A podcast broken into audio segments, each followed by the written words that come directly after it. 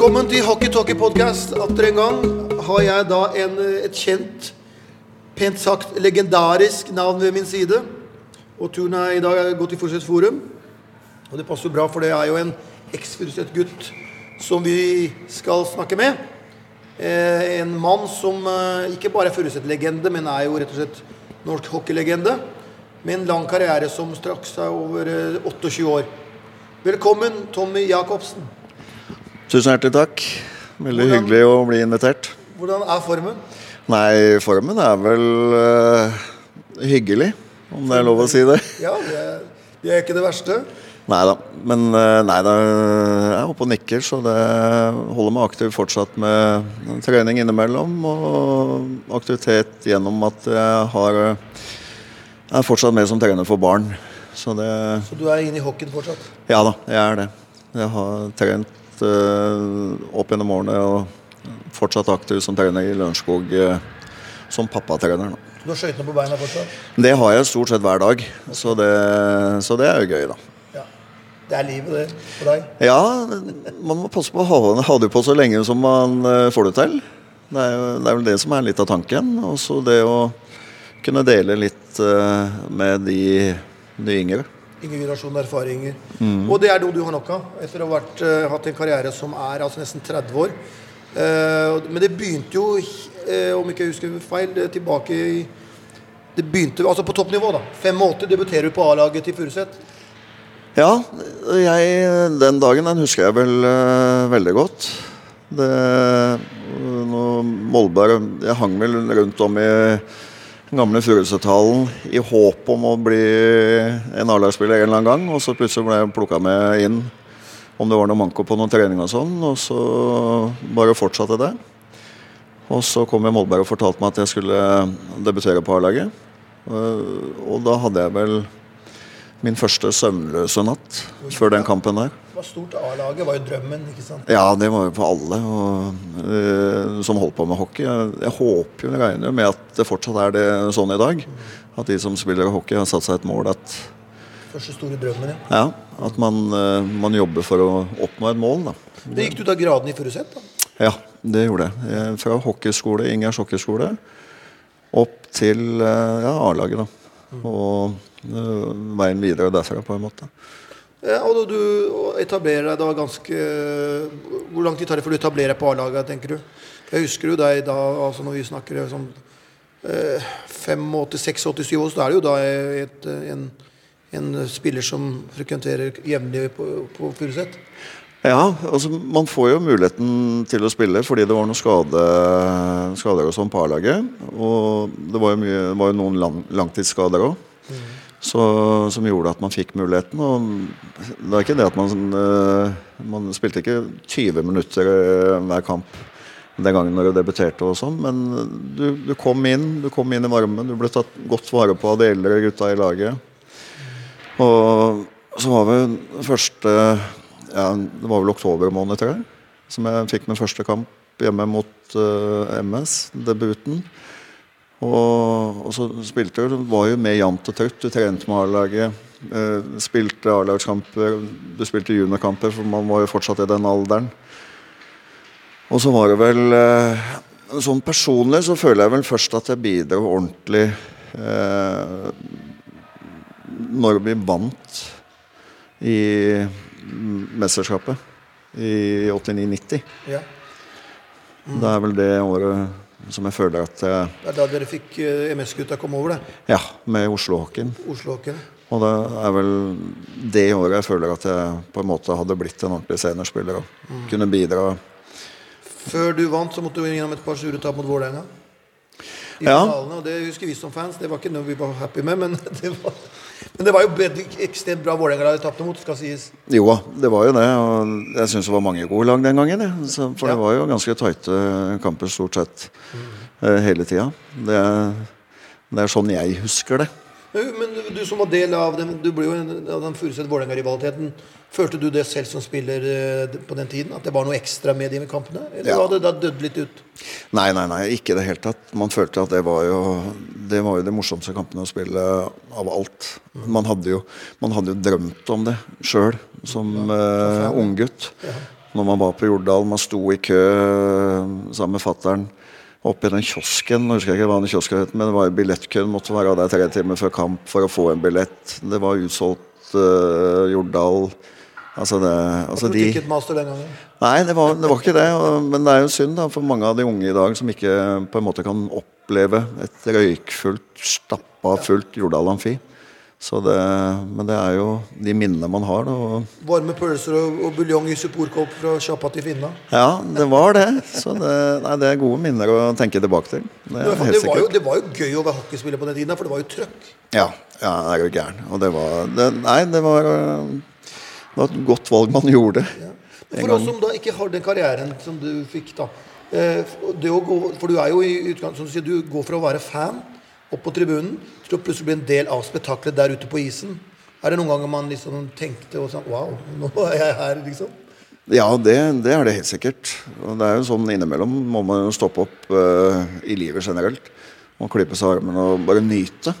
Og det, det har man jo gjort øh, mange en gang. Det, det er helt sikkert. Også det å oppleve på en måte 80-tallet, slutten av 80-tallet som jeg fikk, og starten av 90-tallet, det, det var jo kjempestort. Da er du i din prime som spiller òg, ikke sant? Ja, og man følte jo også at norsk hockey, i hvert fall klubbhockeyen, var jo det Og i den tiden der, da, tenker jeg, med utsolgte stadioner Det var jo Om det ikke var fullt på Jordal, så var det fullt til Sarpsborg, det var fullt til Fredrikstad. ikke sant? Ja. For det, det var liksom mer enn bare Oslo-gryta? også. Ja, det var liksom mer enn det. Og pressen melder seg litt på og skriver. Og, Ja, det var jo side opp og side ned. Ja, jeg er helt enig. Det var Man, en veldig, veldig, veldig, veldig fin tid. Men, men, men, men hadde du da allerede da Hvordan kom du Visste på et tidspunkt hvis du går litt tilbake at du skulle bli back? Ja, jeg var vel det fra starten av. Eh, ikke spør meg hvorfor jeg havna på i den posisjonen. Det har jeg ingen aning. Men det, det er jo det man, eh, det man var selv når man var ung. Da. Om det var smågutt, gutt, eh, juniorspiller på en måte, så var det back man var. I, også i de lagene man spilte. Så, det, så hva årsaken er, ingen aning. Men man hadde vel ikke henda til Ole Eskil, og da skjønte man at man måtte sette seg bak der. Og heldigvis trenger man mange komponenter på et lag. Så det er plass til veldig mange forskjellige typer. da. Ja da, og så var jeg vel ok på skøyter, så jeg slapp å havne i mål. Ja, ikke det. Så det, nei da. Men det er vel eh, Jeg vet ikke årsaken til at jeg endte opp som back, men jeg har jo trivdes der i all tid. Men for, for å holde på en karriere på så lenge som du har, så må du ha vært veldig altså, heldig, ja, men også dyktig i forhold til å gå trent, disiplin til å gjøre de tingene du skal. Men da vil jeg spole enda litt tilbake til eh, miljøet i Furuset. fordi du Vi snakker jo om da du fikk virkelig da Du var kjent for å være en eh, et, et område, en gjeng, som da, en klubb som da, da, Der trente du, og ganske så Og du hadde da et, et unikt eh, revolusjonelt treningsforbilde i f.eks. Botta, da, som da mm. I dag har vi noe som heter bootcamp. Jeg mener vi burde jo hatt noe som heter Botacamp. Ja, men man hørte jo hele tiden om hvordan han trente, og de rundt han. Og så Det er som du sier, da, du er jo inne på det, det som er viktig. Altså, jeg har jo i mitt voksenliv som proff eller som voksen hockeyspiller har jeg jo tjent på at vi hadde en utrolig fin treningskultur i klubben. Vokste opp og inn i en klubb der vi syntes det var kult å trene. Og det var ikke bare vi spillerne som syntes det var kult, men det var jo gøy fordi vi hadde jo veldig bra trenerkapasitet når jeg vokste opp i klubben. Og det, du hadde jo alt fra Dagfinn Myhrvold i mitt tilfelle da, til Odd Mørk til Egon. Vi hadde jo flinke trenere hele tiden som la opp et bra treningsopplegg. Og vi som lag, det laget jeg var med i, det 70 pluss minus, vi var jo også Vi likte det og likte å trene. Og så ble det liksom en sånn kameratgjeng som syntes det var kult å trene. Da, og det har man jo. Eh, og så fikk man kjempehjelp gjennom treneren, og sånn, og så har man levd på det i ettertid. Da, for det har jeg merka sånn i voksenlivet når jeg har vært proff, vært skada. Jeg har kommet fort tilbake fordi man har lagt basen i ung alder. Da. Så det-. Ja, man gjorde det. Og det, er jo, det må man jo takke de trenerne som vi hadde opp igjennom for. Da. Så Furuset var egentlig et, et perfekt eh, ståsted, altså området sånn sett, å, være ung hockeyspiller, da, rett og slett. Ja, ja, for oss så var det jo veldig bra. Vi hadde jo, som jeg sier, det 70 pluss minus-kullet som jeg vokste opp i. Vi Eh, vi hadde jo Ut av det så kom det jo veldig mange spillere som spilte A-lagshockey i eh, jeg kaller det Gatligaen, eller Gatliganivå, eller Fjordkraftliganivå. da. Så var vi jo veldig mange rundt om i forskjellige klubber rundt om i landet. Eh, Det heter jo Beck-par, og du som Beck, la meg spørre allerede nå. Er det noen, noen du likte å spille i par med? Jeg, jeg spilte jo mye av barndommen og ungdommen min med Tommy. Store Tommy, Tom Eriksen. Tom Eriksen, ja. Som eh, da var dobbelt så høy som meg, så det så jo sikkert litt eh, snodig ut. Men det, vi utfylte jo hverandre ganske hyggelig, så det, det var jo veldig bra. Men Og så hadde jeg jo forskjellige backpartnere opp gjennom eh, livet. Og jeg spilte jo en del med Brian Tutt Ja. når han Ja, figur det var i. Ja, det var det. Hva, vil du si om han? Nei. Røff, canadisk kanadisk, all stay at home defenseman? Ja, han var vel litt sånn uh, stor som et hus, fysisk. Uh, uh, da kunne jeg skryte på meg at jeg hadde Jeg kunne flippe pucker i hvert fall. Og det, det var vel ikke det han var kjent for. Men, eh, men jeg møtte jo han også seinere, når jeg gikk til Tyskland. For det gjorde han også. Og han var jo var jo samme person i Tyskland som det han var her hjemme. Så, det, så spilte jeg, hadde jeg gleden med Men da var vi jo over i Spektrum igjen. Da, men da spilte jeg med Leo Godas, som var en Tsjekkisk eh, storbekk. det. Ja, han var jo en verdensbekk og utrolig god. Og han lærte jeg også veldig mye av. Mye tjuvtriks òg, som jeg tok med meg videre i Jo, men det er nettopp det. Du, du, ja, du modellerer spillet ditt etter også, Du er inspirert av de du har spilt med. da Ja, Og ser litt, tar litt herfra, litt derfra. Ja, det er, det er eh, det er det. Og så hadde man jo hadde man, eh, man fikk jo inspirasjon, i egen klubb når man vokste opp på. Det var jo Man sto og så slagskudda til Ålge Ellingsen i barndommen. Ja, Man, eh, når Petter Sjalsten kom opp Petter Sjalsten var jo et forbilde for oss Bekka. Og jeg fikk jo også den gleden av å spille med ham. Både på laget og Og mot da. Ja, og mot etter, og mot etter hvert. Sånn, Men, ja. dere to, men du og på Stalsien, dere går sammen altså Dere er sammen da, i samme lagene som taper for Vålerenga. da Surt, men det er, det er bra. Det er, det er akseptabelt tap for Vålerenga var veldig gode på den tiden.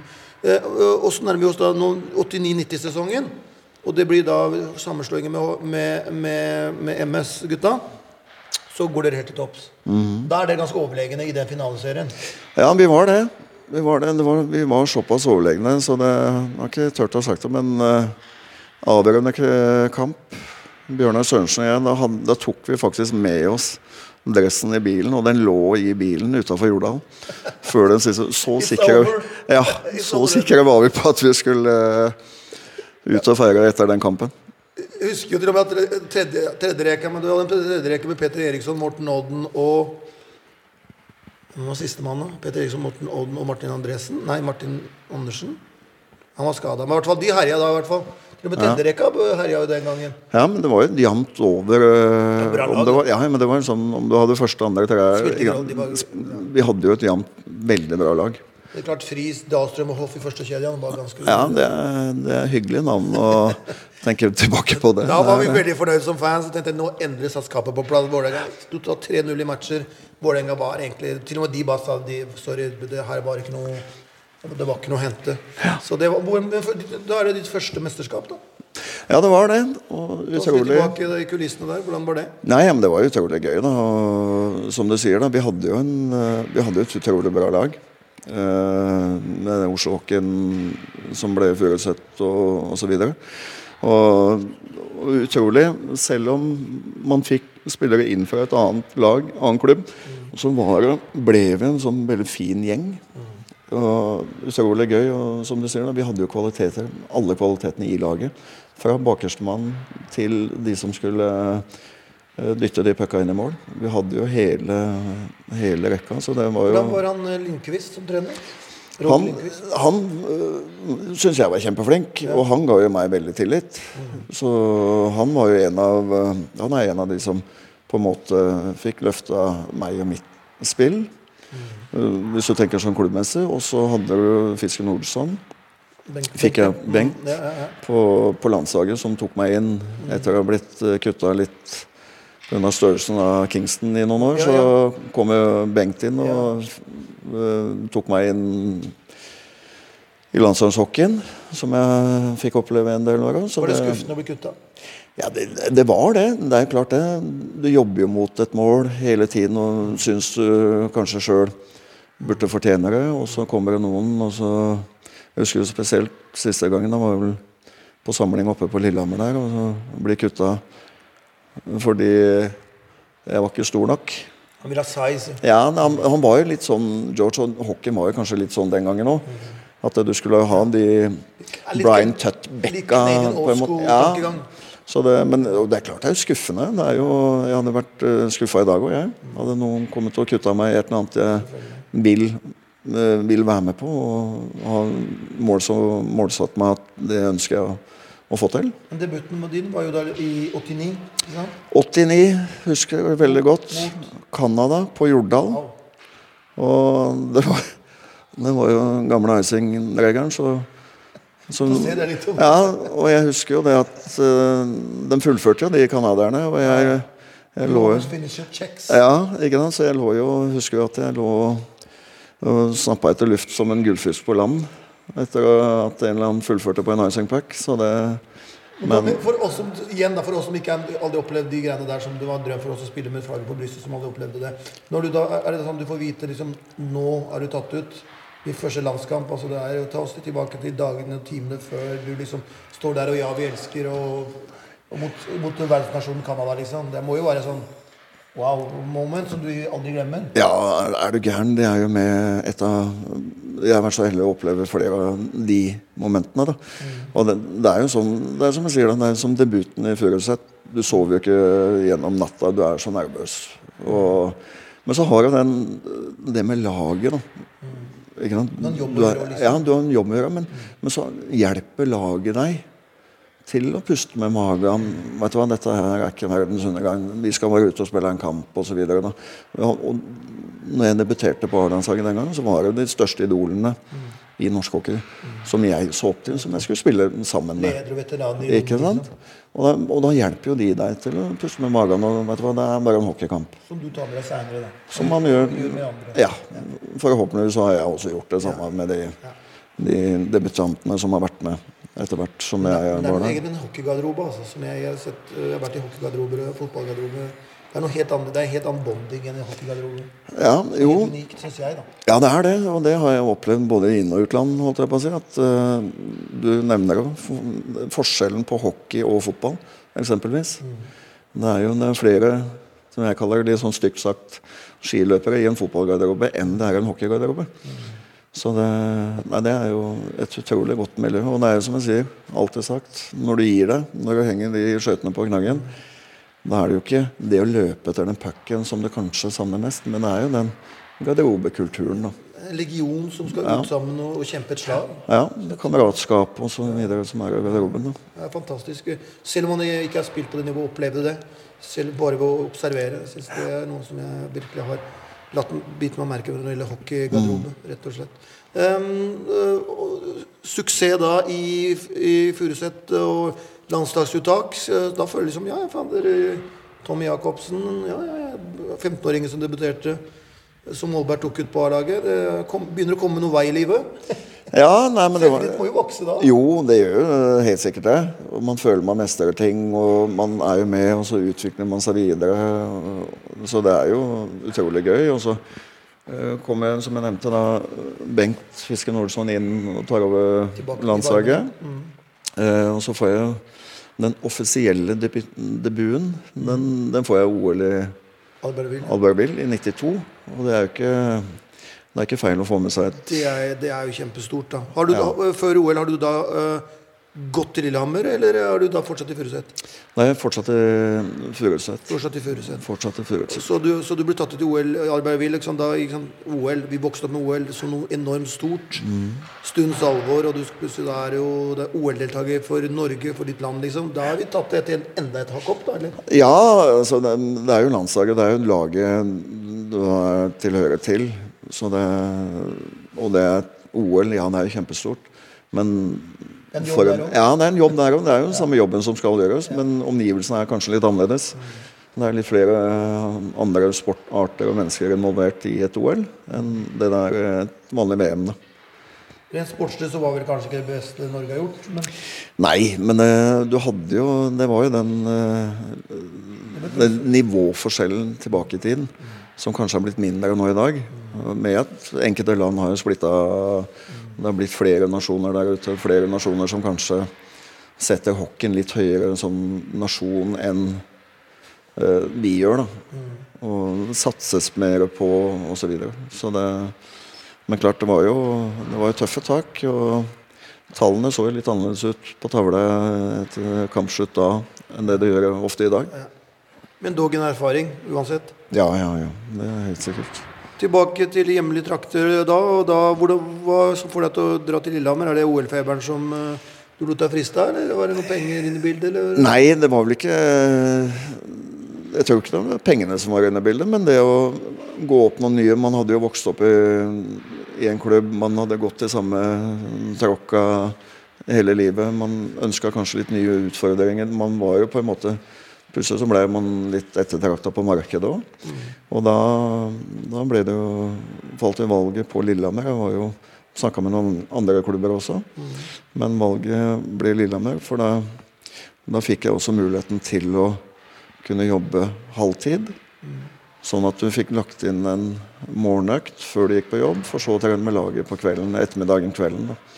For det, jeg ville jo trene, jeg ville utvikle meg. Det var jo det som var tanken. Og det fikk jeg muligheten til i Lillehammer. da. Stemmer det at de betalte 500 000 for det? Nei, jeg tror Jørgen Salsten og jeg at vi ble kjøpt som en sånn pakke. Og hvem som kosta hva, det, det Pakke, pakkepris, eh, Pakkepris. For, for 500 000? Ja, du får Det var jo eh, penger da, i 94? Ja, det var 90. det.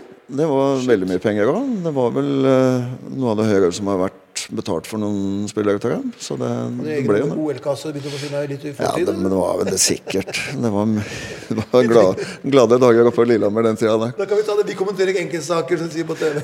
Nei. Men, men, men, men første året der så har dere da en svensk trener, minner jeg riktig? Lenny Eriksson. Ja. Og hvordan var første året der? For da er det så der Ja, Ja, det var vel ikke kjempesuksess. Det var det ikke. Og det, det endte vel med at jeg eh, hadde en indianer i en eller annen semifinalekamp mot eh, Prøvde mot Bergseng, og så ble det snappa opp, og så skårte de på ja, Paul, Paul Martinsen. Står vel der 19 et eller annet ute i Sudden. Og så skal jeg legge et langt flippass opp til Lars Bergsem, som hadde kommet aleine. Og så treffer jeg skaftet på Paul, som så foran mål, i et styrspill. En kjent store midten. Ja, jeg skulle fra bak mål opp, og så treffer han skaftet til Paul Martinsen. Dette rett ned, og han bare dytter den inn i mål. Det var en god tanke, da. Ja, ja, hadde det gått gjennom, så hadde det vært et kjempepass. Det er, det er, apropos at hockey er marginalsport. Ja, det er jo Går den gjennom, så er det jo genialt pass som det avgjør, kanskje. Og så, og så blir det helt motsatt isteden. Ja, da, jeg husker det veldig godt. For det, Øystein Hjørtvo var jo såpass eh, hyggelig at han, han kjørte hele midtsida i Dagbladet etterpå. og-. På, på det ene, ene siden i Dagbladet den gangen så sto jeg helt aleine deppa som fy, for jeg hadde ødelagt for hele laget og bare hang med hodet. Det var bildet i Dagbladet den veien. Den gangen. Ja, det er jo helt sikkert det. Men da, da hadde jeg noen hjemme som ble ordentlig fulgt ned på den. Ble ikke, ble ikke kake og bløtkake og kaffe på Jarlsbo da? Nei da, det ble ikke det, men det er jo sånn det er, da. Det er jo Ja, ja, det var jo min feil. Så det Men, men det, som, det som er kult med hockey, ny, ny kamp, ny mulighet, ny sesong, nye muligheter. 94 så er det jo Det er jo ganske sånn Det er nesten du kunne ikke skriptet det bedre. Fordi OL på Lillehammer, all den hypen rundt Lillehammer. Og så kommer Geir Myhre inn, som da hadde tatt- tre på rappen med Vålerenga. Eh, og, og dere eh, da vinner eh, NM foran Storhamar, som hadde prøvd noe hardt i hvert fall siden 85 å ta den der bøtta. Og jeg husker på den tiden Det var to, det var to lag jeg fulgte med altså internasjonalt. Eller NHL var det Detroit Red Wings, og hjemme var det Storhamar. Hvert år skuffelse. De kom aldri til å vinne. og da dere plutselig da, i 94 da spenner bein på Storhamar Du må fortelle litt grann rundt den, den finaleserien der, for det var Storhamar var jo klare favoritter, vel? Ja, ja, men, men jeg, mener vi kan begynne med semifinalen. For at vi slo ut Vålerenga. Ja, og ja. Vålerenga det året, de hadde jo et uh, veldig godt lag. Med Sjampo, med Petter og De hadde jo alle de største kalde Oslo-navnene i sitt lag. Og dem var jo veldig gode, og så slår vi de i semifinalen. Eh, som var en kjempeoverraskelse, egentlig. Ja, For vi, vi hadde jo vi hadde et bra lag, vi òg. Ja. Men på papiret ikke så bra som f.eks. Vålerenga og Storhamar. Men stopp ved matchseriene. Hva, hva tenker du gjorde utslaget mot Vålerenga? Eh, Marginer med? Ja, men- ja, så var det en litt sånn kynisk eh, eh, Myhre, da. Som kjørte hoff på sjampo i alle bytt i alle kamper. matcher, ja.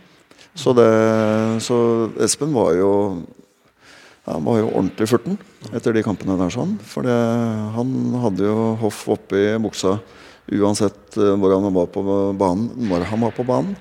Så det, det var jo veldig eh, For vår del, for å enkeltkamp vinne, var det veldig smart måte å kunne vinne en kamp på. da og så kom vi, kom vi oss forbi det hinderet, eh, som jeg mener i hvert fall var den største. Og så har du det lokalderby, Mjøsderby mot Hamar-finalen. Vi vinner borte første kamp osv. Og, så og så ender det med da at foran en fullsatt hall hjemme, hvor de da har bygd opp ekstratribuner, det var så mye folk i hallen der, så det var jo litt sånn tilbake på 80-tallet. Fullsatt Jordal, Vålinga, Furuset. Litt de tendensene igjen. Og så at uh, går til Sudden igjen, da. Og så, det var ikke det at jeg skårte målet, men uh, Og så klarer Tor Nilsen da å dytte inn en puck i første Sudden 19, hva veit jeg. Jeg husker ikke helt minuttene, men sekundene. Men det var jo en lettelse. Og da snapper den foran Hamar, da. Men et viktig poeng er at du er jo kaptein. Det må jeg si at Hvis du ser liksom de andre som var på laget der, tenkte Børge Bergsen-gutta, Tronrud, litt med lokale karer, at du da ble valgt av Myhre som kaptein, det jo, må jo være en veldig sånn tillits- tillitserklæring. øh, altså øh, for det, det, jeg, I utgangspunktet så ville hvis, hvis noen hadde sagt det på forhånd, så ville jeg ikke tippe at du ville blitt satt som kaptein. På bakgrunn av hvem andre som var i garderoben. Nei, og jeg var vel den som var mest overraska sjøl når han kom inn og fortalte det. At, eh, at det var jeg som skulle eh, på en måte være kaptein det året der. sånn da. Og det, som du sier, det var jo tillit. Og det er jo Det har vel kanskje eh, ikke det at jeg er den som roper høyest eller snakker mest av alle, men det er kanskje måten sp- sp- spillet mitt var, da. Tenker jeg. At du er litt sånn oppofrende. Eh, Du kriger på hele tida. Det er ikke noe feinschmeck. Det er liksom eh, Stabilt, solid. Ja, og så oppofrende for, eh, for lagkamerater og laget og, og klubben, da. En type spiller som trener liker, da. Ja, ja, det er kanskje det. Du vet hva du får kamp etter Ja. kamp etter kamp. altså jeg som Brenner sjøl hadde jo likt den type spillere, men så må du, du må jo krydre med litt annet òg. Det er den type spillere man bygger altså ryggrad i et lag, da. Ja. Jeg tenker jo sånn Det- fra, Hvis jeg har sett din karriere, for jeg har jo fulgt ganske mye med hockey, så er det jo en som en sånn mm, ryggradsspiller som bygger liksom uh, ja, base i et lag. Da. En sånn stabil all-around defenseman som er oppofrende, som du kan bruke i alle situasjoner. ikke sant? Som er, i tillegg kan være trenerens forlegde arm ut på isen.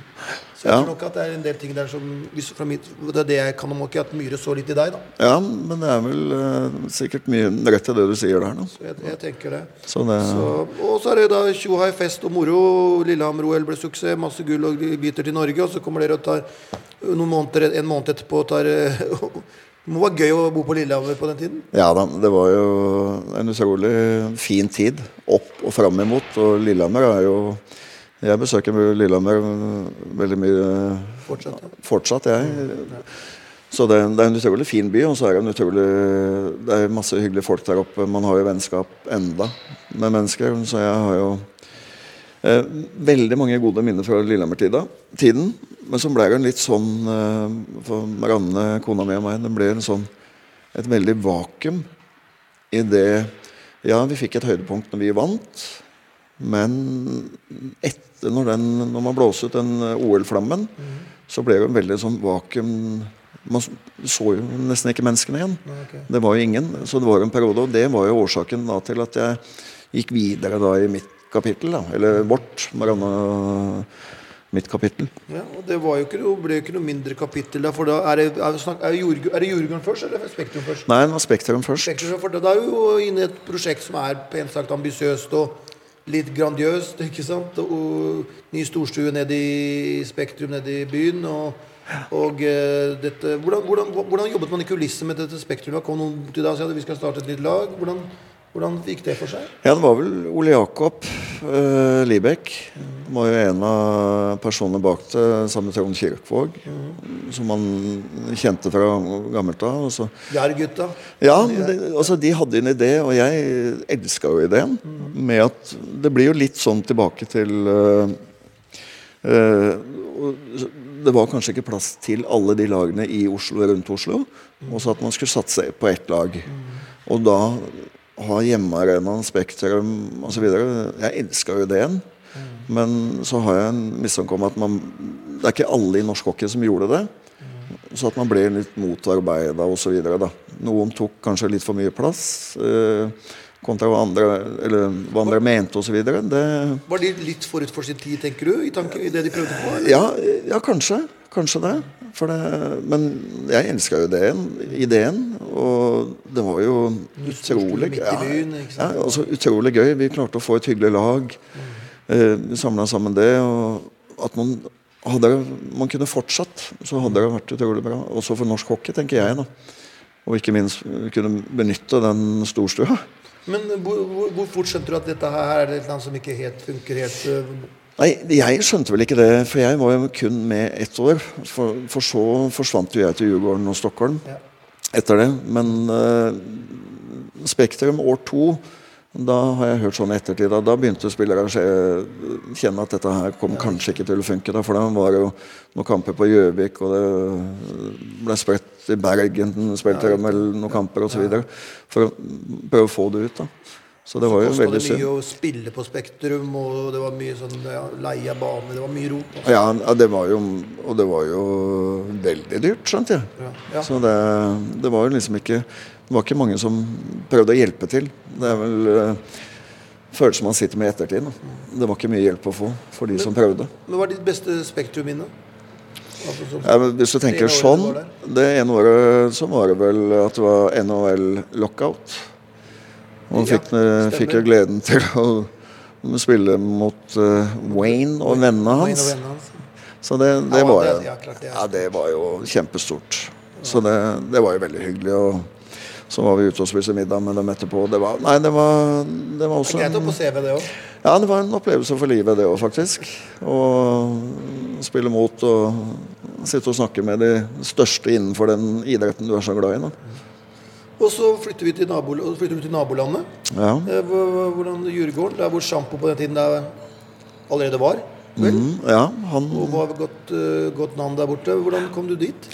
Nei, det var vel eh, Jeg fikk vel en telefon eh, etter et VM. Og Sjampa kom vel opp til meg på veien hjem fra VM og fortalte at Tommy Bolseth kom til å ringe deg. Ha-ha-ha, sa jeg. Det hadde ikke jeg noe trua på. Nei. Men han gjorde det, da. Så da ble det flytt til uh, Stockholm og Djurgården. Ja. Og det var jo veldig lærerikt år, for dette var jo eh, før Bossmann-tiden. Og det var jo som hjemme. Du hadde jo kun lov til å ha to utenlandske spillere i, i laget. Så, det, så det var jo veldig Fin, fin by og alt mulig. Fin klubb, masse hyggelig. Men det ble en litt sånn tung sesong. Begynte veldig bra til å begynne med. På forsesongen gikk på en skade, skulderskade. Eh, kom tilbake. Uh, spilte vel to-tre kamper, og så fikk jeg en kneskade. Så det var veldig mye sånt som da var karrieren er du veldig uheldig med ja, timing og skader? Og... Det var det. det var det, Og så var det liksom ikke en sånn liten tå som du kunne fikse og være tilbake 14 dager etterpå. Det var liksom Noen av dem var, tok litt lengre tid, men da, da var, fikk man vært igjennom det. Og, og så kom jo I den sesongen så kom jo Bossmann med rettssaken sin. Og da åpna jo det et helt annet vindu for oss eh, hockeyspillerne rundt om. Og da gikk jo turen videre fra Stockholm til Tyskland. Men før vi drar videre til Tyskland. eh, Du opplever Globen, eh, derby mot AIK, apropos å ha på CV. Ja, altså Og Stockholm som by er jo Ja, det er jo utrolig, utrolig fint. Og det som du snakker på, da, når du, når du står i, i gangene i Globen, du vet at det er AIK du skal spille mot. Globen er stappfull. Det er eh, rett før jul. Du har hørt at fans har kjøpt inn raketter. Det er leven ute der, og så går det ut, det er mørkt, man blir presentert, og så begynner gnagerfansen å skyte disse rakettene etter deg. Når du skal inn i, i Globen og spille kamp, det, det er en annerledes opplevelse. Vålerenga for gang i tid. Ja, det, det, det heva det nivået der sånn med tanke på det. Og så har man jo når jeg hadde det, og så Man vant jo noen kamper, man tapte noen kamper. Jeg husker ikke helt hvordan alle kampene gikk. Men jeg husker også når man skulle ut og jogge, ned etter kampene. Så var det, jo- ble man jo, spesielt mot AIK, så ble jo stoppa av vaktene. For da, da sto jo AK-fansen oppe på broa der vi pleide å løpe, som gikk over til T-banestasjonen. Og vi fikk ikke lov å løpe, for der sto de og steina. Kasta stein Herregud. mot oss. Så det Om fanatiske supportere. Ja, det var veldig Det overgikk alt hva jeg hadde opplevd tidligere. Det, det er helt sikkert. Rent sportslig eliteserie på den tiden der, det er bra nivå da, altså. Ja, det er det. Er, det, er det. Ja, du gjorde det. For det var jo liksom Det svenske landslaget kom jo stort sett fra Eliteserien, som det het den gangen. Og pynta litt med noen NHL-spillere som eh, ble hjem, eh, eller kunne komme hjem. Så det var jo veldig høyt nivå. Men så, for det gjorde jo også det med Bossmann. da.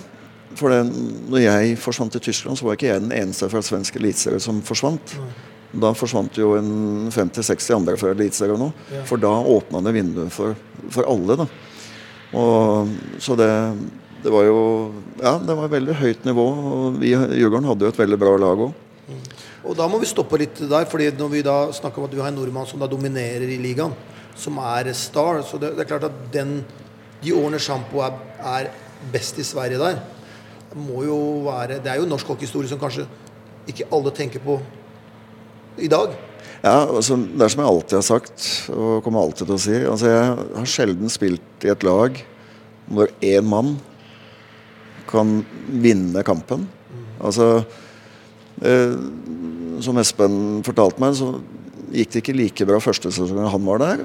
Men år to når jeg spilte med han, han var totalt dominerende i den svenske eliteserien. Og også med tanke på nivået som eliteserien holdt den gangen. Altså det, han, han kunne vinne kamp aleine for oss. Det var det man følte, for han var så god og dominerende. Så det Når man tenker på hvor stort hockey er i Sverige, så er jo det en, en, etter mitt syn litt undervurdert prestasjon i norsk idrettshistorie, egentlig. Ja, ja, jeg er gæren. Det, men det er vel sånn Vi ligger jo litt sånn i bakgården, vi som holder på med hockeyen. da Med tanke på norsk idrett. Så er det vel den følelsen man har. Men at han da ikke blir fremheva med hva han har gjort. Ja, Og så-. I ettertid så har han dominert noe enda mer. Så det, og det er jo helt utrolig for meg, for jeg, han var jo fantastisk god. Eh, det året som jeg hadde med han i Stockholm. Og så går turen til eh, Tyskland? Eller er det Østerrike? Nei, det er Tyskland. Tyskland, Og da havner jo Da havner jeg i en klubb som heter Augsburg. Hadde jo litt flere tilbud som man kunne på en måte var så heldig å kunne velge og vrake i. Men Augsburg var jo en, klubb som var veldig på og ville ha meg. Og da, da valgte vi å dra dit. Og det, Får du hjelp av noen i den prosessen? Eller bare du og Marianne? Nei da, det, vi hadde jo, øh, hadde jo agent som hjalp til. Og det var jo øh, vår tidligere hockeypresident, Per Arne Flod. Okay, ja. Han var jo agent for meg både når jeg dro til Djurgården, for jeg trengte jo hjelp. Jeg hadde jo aldri gjort dette før. Jeg hadde jo snakka med mamma Dahlstrøm eh, om kontrakter tidligere. Ja, så, det, så da I og med at Per Arne hadde jo hatt fotballspillere og sendt fotballspillere bl.a. ut til tysk eh, fotball, Bundesliga osv. Så, videre. Så fikk jeg hjelp av han både til Stockholm og til Tyskland. eh, Som, og da, han var jo da min første agent. Så han hjalp meg den, med det papirmølla. Hvordan eh, Tysk hockey, hvordan skilte den seg ut fra norsk-svensk eh, rent sånn stilmessig? Altså, jeg, jeg elska jo å spille tysk hockey. For den var litt mer sånn Jeg kaller det nordamerikansk hockey. Litt, ja, mye nord-syd hele tiden. Og bra fart. Det var masse flinke spillere der. Eh, Det holdt et bra nivå. Eh, og ikke minst hvis du tenker sånn eh, Man tenker Fullstad Jordal i Tyskland. Lidenskapen, passion fra tyske fans. Altså det er jo Det er som jeg alltid sier det, For meg så finnes ikke et bedre land å drive idrett i uansett enn Tyskland. For det Man ser jo nå i dag så er det jo skiskytter-VM nede i Tyskland. Og det er jo utrolig stemning, engasjement. Og det, er passion. Det er utrolig. Du spiller for fullsatte ishaller stort sett hele tiden.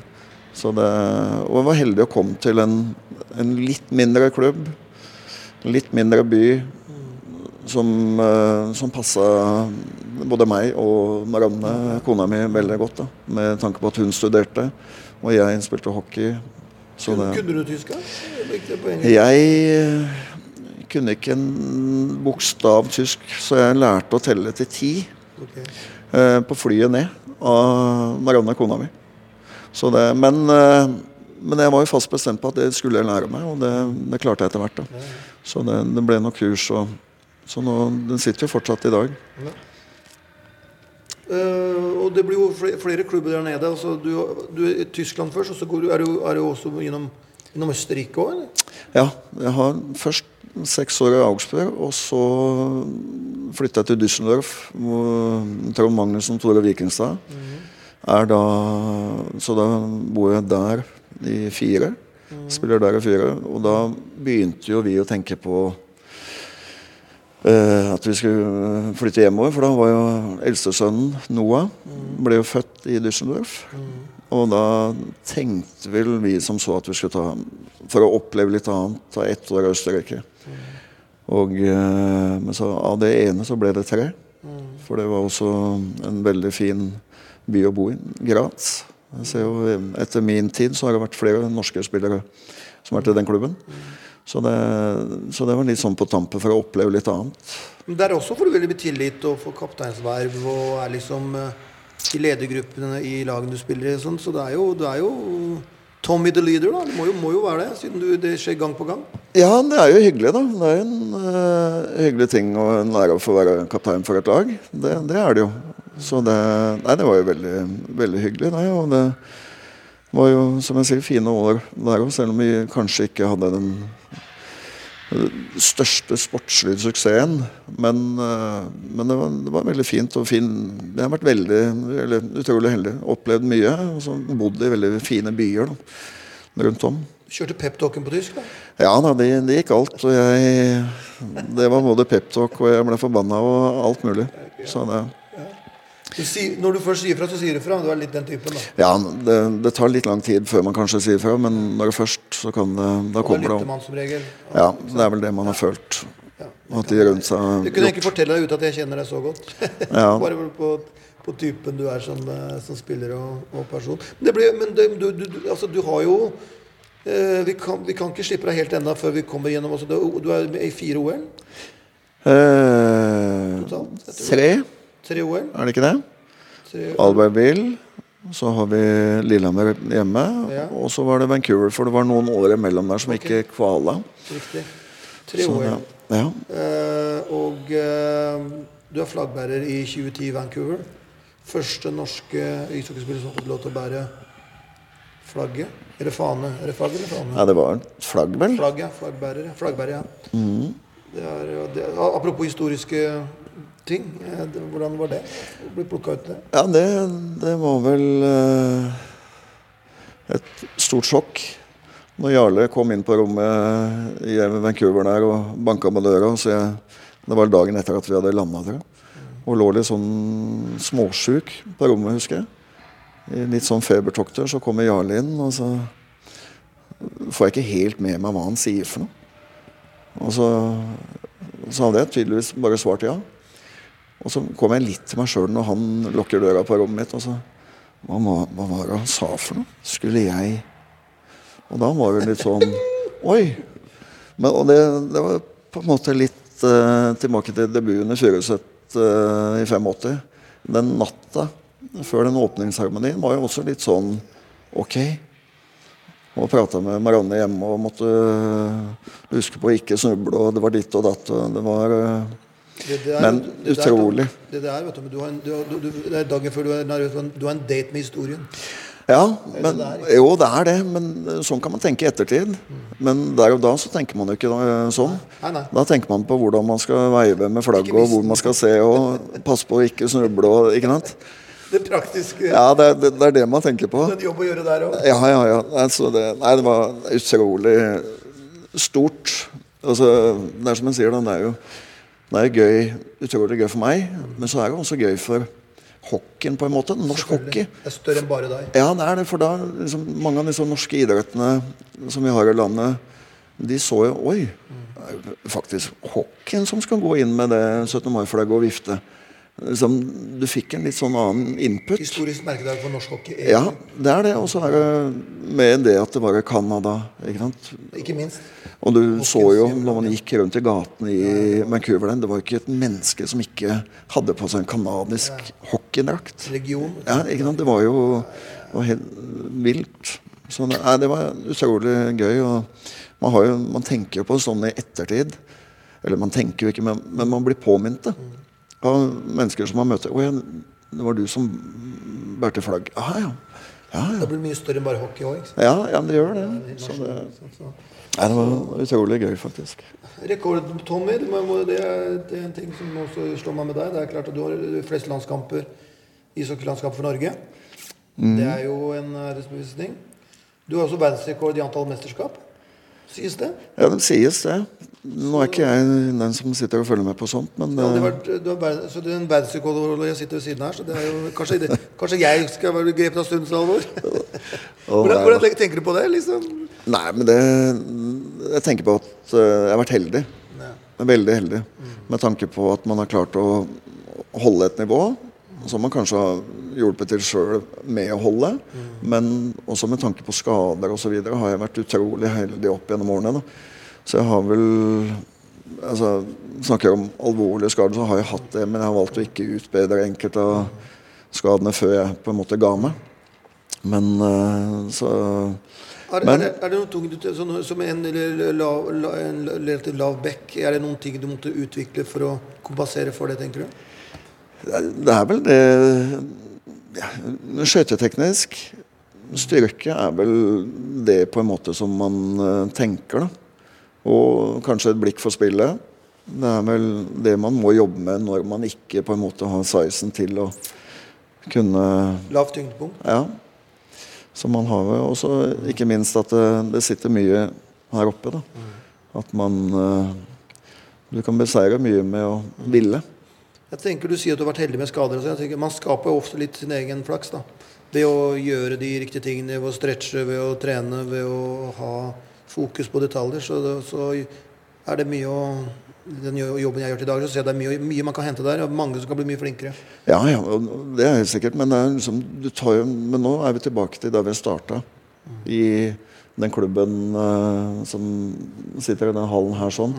Med, som du pekte på, med forbildene vi hadde. Hvordan de trente. Og det er jo på en måte grunnmuren i det huset man har bygd fra barneårene av. Da, som man har fått med seg. Og som jeg nevnte tidligere, det er liksom det som har gjort til at man har vært heldig opp igjennom. Da, med tanke på skader osv. Det er jo mange andre som har vært flinke òg, men som kanskje har vært uheldige. Mm. at man har hatt mer skader da enn det jeg sjøl har opplevd.